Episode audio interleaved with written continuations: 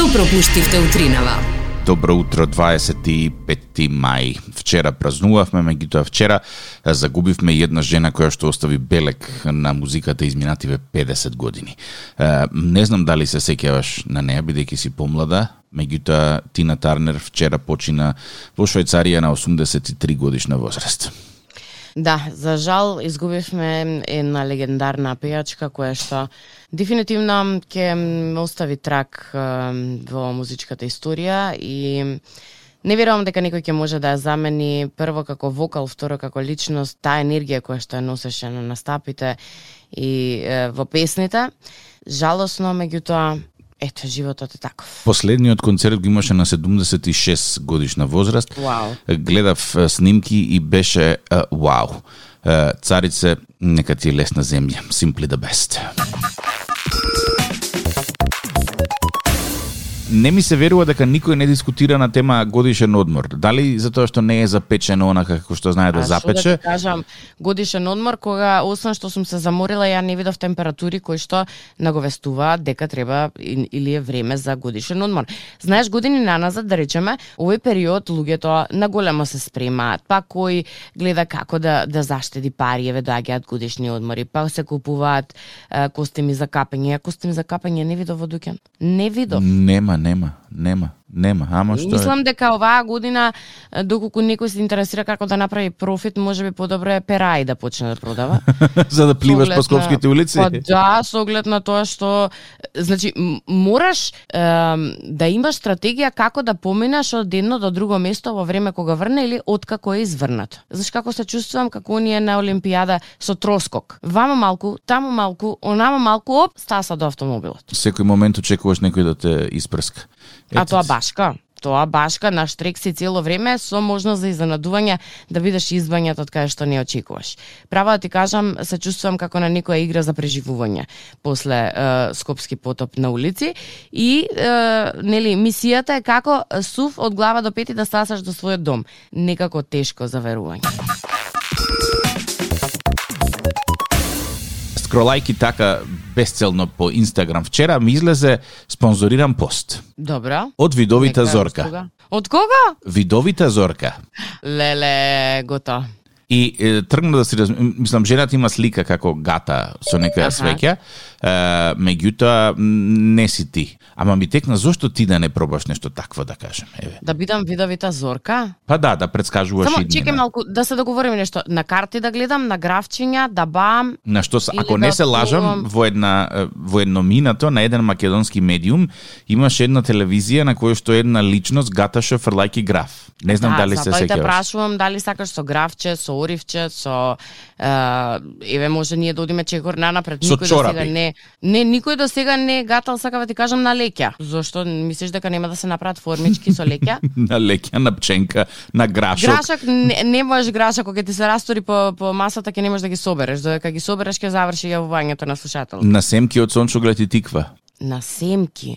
Да. М, оној микс, УВ микс што е? За се? Каков е тој УВ микс за се? Не УВ, извини, УВ микс беше чај. Оној микс што е од семки од 4-5 вида семки, кој ќе ги туриш тука, не знам што има таму, чија семки од едно Да, да, тиква, сончоглед, нешто такво. И ако не ти се погоди да речеме формата, можеш две-три да ставиш во уста да изедеш. За да ти биде Па формата. за да си како што да треба. да оформиш, ово е вишок овде, дај да го елиминираме. Аха, или или семките може да означуваат одредени благосостојби во текот на животот, да речеме семки од а, како се вика од од Сончоглед, од, значи пари. Од сончоглед, па не, тие ми се многу ситни, не да значи па тие нека значат проблеми.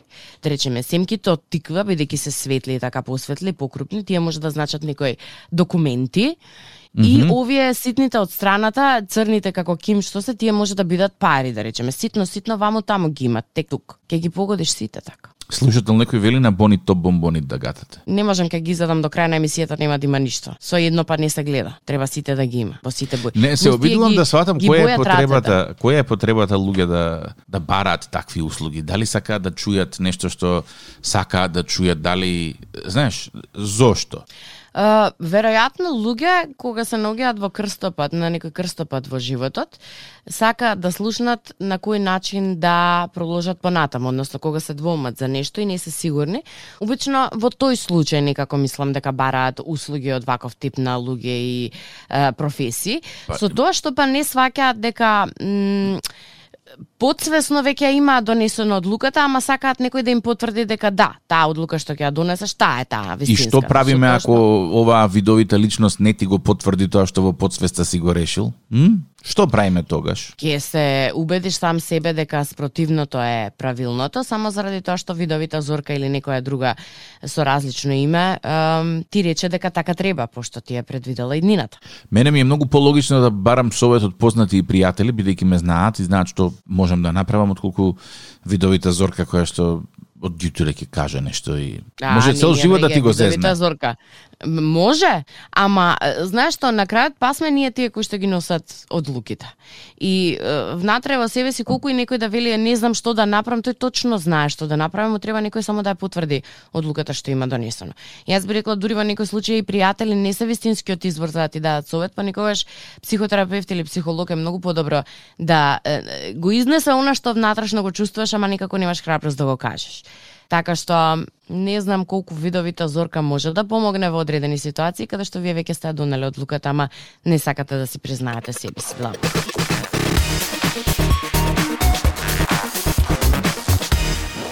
Вртејки по разно разни огласи за работа, не прашувај зошто, дојдов до фасцинат кивнав информација.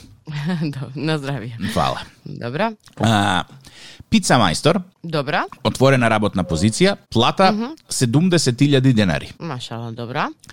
Се бара форензичар за работа во финансиска полиција. Добра. Плата 28.000 денари. И како? Е, ајде да.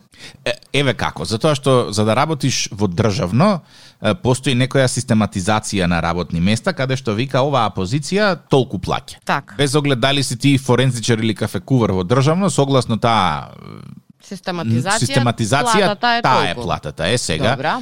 Очигледно дека ниту еден форензичар компјутерски, финансиски, каков и да го бараат, нема да се нафати да работи за 28.000 денари. Аха. Ако при тоа може да врти пици за 70.000 или пак да работи нешто сосема друго поврзано со е, науката која што ја има завршено за за поголема плата. Ама право ти кажам, не е лесно ни пици да вртиш цел ден со тестото и рацете затестени за брашнати. Со оглед на тоа што таа е физичка работа, стани седни, на топло си, водопер со храна си, смените се по 8 часа, некаде и 10 часа да си на нога. Верувам дека таа е тежината на работата, ама ова зашто е толку па ниска платата другаво, за кој што ти треба сигурно некој одреден степен на образование повеќе од останатото, навистина не знам. Но не, да кажем дека што... ти како форензичар во финансиска полиција треба да се бориш против криминал финансиски. За да. плата од 28.000 денари. И да одам да работам дополнително пица мајстор за да можам да ја да преживе. фамилијата. Да. Што си ти? Јас сум као форензичар преку дена, попладне пици вртам. Многу добри пици правам. Нема логика. Логиката, ама не, логиката е таа. Логиката е таа, може би бидејќи е физичка работа и далеку потешка, да речем, од е, седечка позиција, ама па другава па исто така многу одговорна работа, каде што треба да се бориш. Треба. Фината господја на телефон, повели. Добро утро, како сте? Одлично, вие? И јас слушам темава и така, бидејќи мафија се еден, една средба, да речем, во наводници со овие струки, па сакав да дадам еден коментар, зошто пица мајсторите земаат толку плата. А, затоа и пица мајстор и бурек мајстор или пецива мајстори што ги викаат тие, моментално освен овие нели информатичари се најплатени труки во Македонија кај нас, затоа mm -hmm. што се дефицитарни и ги нема. Така е.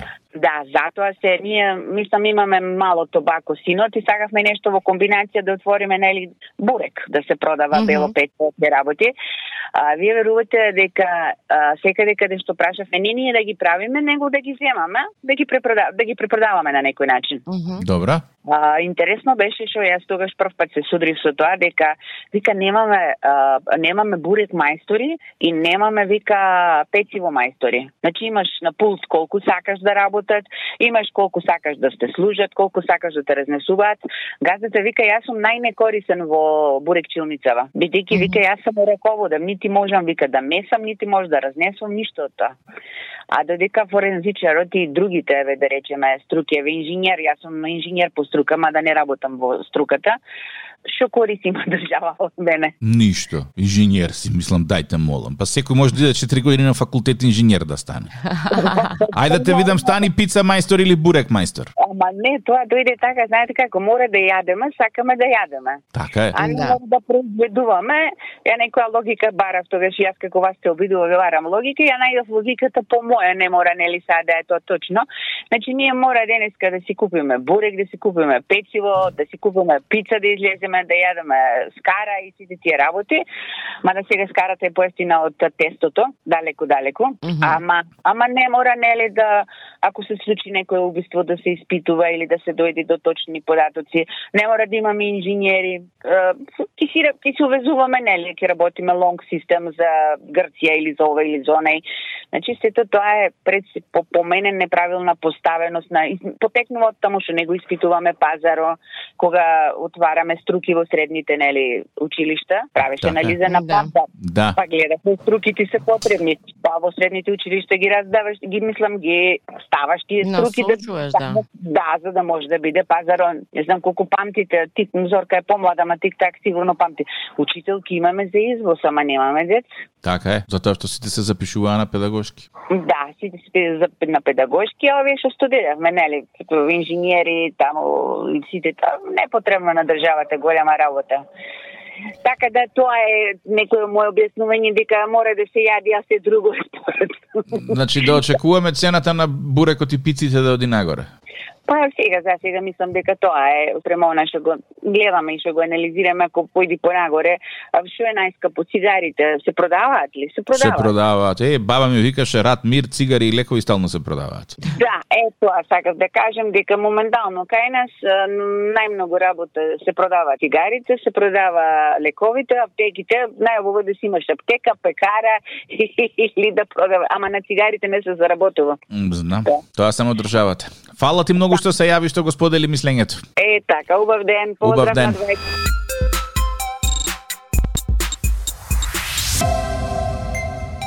Секој од нас пишува куцка пораки, некои ги пишуваат онака како што треба, другите се ослонуваат на аутокоректот да ги поправи, па многу често прават некои банални грешки, а некои апсолутно не се интересира за истите. Многу од нас не се интересираат за истите и право да ти кажам, понекогаш сум изненадана како соговорникот од другата страна ме разбира. И се разбираме и на иста патека сме, а некогаш си мислиш дека те разбира, ти вика да, а кузна што разбира и на крај договорите не се тоа што се. Колку внимаваме реално на печатните грешки е едно големо прашање, судејќи според она што го читам на Facebook, најчесто не. Што го читаш да се- од луѓе напишано како Да, да, текст? да, што го што го читам од луѓе напишано, некогаш го читам и од како наслови од портали. И право ти кажам, некако се се чудам дали е тоа хм, дали е тоа немарност за тоа е, како пишуваме, дали е свесност намерно напишано за да привлече внимание, ама најчесто е заради тоа што така сме го научили и сме го попримиле како модел и така го знаеме. Базент Например, и ресторант. Базент, ресторант, да. Базент и ресторант ми се темни. Секогаш е ресторан и секогаш е базен. И никогаш нема т на крајот, освен ако не Ali си во прилеп од Охрид. и прилеп. Да. Или многу го сакам фебруари. Многу ми се допаѓа фебруари. Па тоа е мислам изведено од англискиот February Ама и мислам дека сите во соседството го пишуваат со Б наместо со В. Е тука ќе те побијам заради тоа што фебруар вика баба ми, а баба ми нема поима англиски. Едноставно така е зацртано во глава дека е фебруар и нема е, оправање на тоа. Фебруар. Може турците викаат фебруар. Не знам. А што мислиш за детска соба? Со Ц. Да. И светска работа? Све, тоа е светска работа. И, шве, И у Шведска, и у. Шведска живеа. Во Шведска, да. Во Шведска, во Шведска. Да. Тоа е начиње Или- по звучност. Да, Детска, да, да, да. ТСЦ. Ти не знам дали знаеш, ама во Бугарија цветанка се пишува со ТС. Да, Цветанка Т и Т- Т- Т- Светанка. Цесарева. Да. имав една ситуација таква, кога работев во странство и сега Зорица кога ќе напишеш се чита како Зорика и на крај најпаметните го најдоа решението, ќе те пишеме Зоритса. И тогаш мора Така со да те читаат. Да, и така веќе немаше проблем и право ти кажам, едновремено ми беше окей, као гледа, добро барем ме погоди ја на име, ама од друга страна многу чудно изгледа името како Зори ЦСА. Така што тоа е тоа. Или многу сакам кога ќе видам флизер. Флизер? Бев на флизер. Ја одамна Страмота, на флизер. Зорке. Да, Стра, страмота. страмота што одиш на флизер. Да, ќе си ја поздравам сега флизерката. А ла, Дека ме лаба, очекува. лабабо, лабаво или лаба, лавабо? А рер, е, Релна. релна? Релна и е, она што до ден денеска ми е тешко да го испроцесирам спанаки. Зошто ти е тешко? Ајде како точно се пишува спанаки? А, С П А Н А Қ. Без њ. Спањак. Спан, спан, Во спанакјот нема њ. Никако нема њ. Не е спањак, туку е спанак. спањак, спанаки. Саме- Ова е ментална игра, да, спанак, спањак, спањ, спањ, Свати? со В или со Ф? Спанак, спањак, спанак, спанак. Ај кажи Види, 10 пати брзо спанак. Спанак, спанак, спанак, спанак, спанак. Е, Добра, добро, до толку можам. Не можам повеќе, да. А, инфракт, Бабе инфракт ме удри. И тоа си оди така разговорно со години. Да, да. Инфракт. Бабе да те Да. поддржам кога ќе те удри инфракт. Да ме поддржиш. да, и, и поддршка со Д. Е, Чисто за да бидат работите поинтересни, јас си купив книга со гатанки, па сега Зорке ќе видиме кој ќе победи. Уф, денес твој ред да поставаш гатанки, а? А, да, ама пред гатанките, Време е за бескорисни факти. а, Монопол си играла, така? Да. И колку во просек ви трае една партија? Уф, мене тоа ми е многу малтретирање кога ќе размислам колку време само треба за да го намонтираш на маса, па да се поделиме, па кој по колку парички има, па дај ми мене од ситните, дај ми мене од крупните, па да се погодиме кој со кој човечек игра. И генерално мислам дека додека се наместиме, ми се губи желбата за играње. А колку трае една игра? Па, види, најдолгата би требало да трае многу додека завршиш Да. се и никогаш не сум ја завршила, меѓутоа во просек час до час и пол максимум е времето кое што можам да се задржам на маса да играм Монопол. Гола вода. Најдолгата игра Еј. Монопол до сега траела 70 дена. Пу, шо направите, бе, Купи, се продај, стечај, продај го, најди лихвар, земи пари, врати ги, избави се. Реална ситуација, Зорки. Повеќе сакам налути се човече. 50% од грабежите на банки се случуваат во петок. Зошто? Им текнула да одат на викенд некаде, најверојатно немаат пари и што ќе правиме, ќе плячкаме банка. Да нема некаква врска со тоа што во петок се собираат повеќе пари, средства, едно друго, да нема некоја таква информација? Па, По- Пошто логиката е дека знам, баш би. во петок, па зошто па баш во петок, Па и а не во вторник? Па, види, може да држи вода тоа твоето дека се собираат повеќе пари, а според моја логика, ти викам, решиле да одат некаде на одмор, снемува пари и опцуп, што ќе правиме, ајде ќе ја плячкаме банката. Добро, ајде нека биде по таа логика, иако не верувам дека баш е така. А, Растењето брада има здравствени придобивки, како што се спречување на алергии, напари на асма, осип и заштита на вашата кожа од сонце. А, значи ко, е, брадата ти не е така баш безкорисна и досадна, што расте. М, па да, иако Дали си свесен дека допаѓа. секаде на телото каде што имаме влакненца, всушност нивната намена е да бидат таму? апсолутно, ја не знам што е оваа мода се да се бричи и да се одстранува. И па не изгледа баш најубаво со, со влакненца. Меѓутоа, секаде каде што имаме на телото влакненца некаде повеќе, некаде помалку, нивната намена е да биде таму. Ќе се врати модата на 70-тите години кога влакната повторно ќе бидат во мода, така да се е тоа циклус. М, Ајде да видиме. А, последниот за денеска. Можно е да кивнете толку силно да си Добра. ги скршите ребрата. И како жити се? Си кивала некогаш од напад на алергија? Она кивање, ама од но, е па кога ќе кивнеш така ќе знаеш зашто зборувам. Сум а ти посакувам сум никогаш да не ти си кивала пчел пчел пчел. Јас имам кивање на Не, не, сум кивнала така изиритирана од некој мириси или од нешто, не знам, од некоја прашинка или било што. Меѓутоа да толку многу да да така кивнеш дури болка да ти создаде, до сега не ми се има случајно, иако верувам дека е И не може. дај Боже за тоа што е болно да знаеш.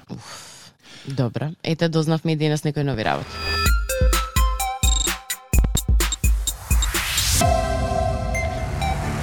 Тик-так си купи книга своја, по нејзе гатанки и неколку броја. Леле, леле, Зорке, што ќе биде сега да видиш ти. Колку е резултатот моментално? 8 спрема 7.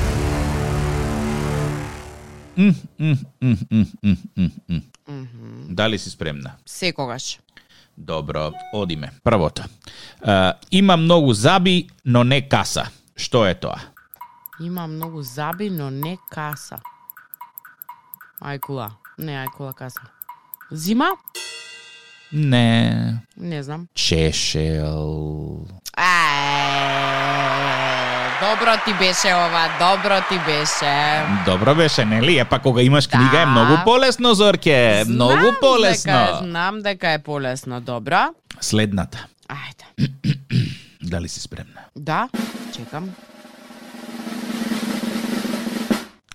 А, кога е црно, е чисто. Кога е валкано, е бело. Што е тоа? Табла. О, Зорке, браво! Како знаеше? Истата книга да не ја купивме. Не. Во мојата книга нема табла, ама имам никаде прочитано одамна и логично беше. Добро, е па останува Да. 8 спрема 7, што да ти кажам. Имам јас една за тебе. Ајде. Во вруток роден, во полок ценет, ни Скопје воден, во Велес годен, во Солун женет. Македонец? Не. Појма нема. Што е во Ајде, солоно женето? Ајде уште еднаш. Во вруток роден, во полок ценет, ни Скопје воден, во Велес годен, во Солун. Вардар! Вардар, браво! Браво! Добро е, се Првиот оправам пат полека. ми ја потфати, ама ти текна. Па да, кога рече во вруток роден во Солун, Вардар мора да е, нема што друго. Тоа е. Вардар, да. 8 Осум, спрема седум. 8, а? Да, па, да, еве две ти- погодив. Ти да, мојата да. ја погоди, јас една не погодив, така што нерешено. 8 спрема 8. –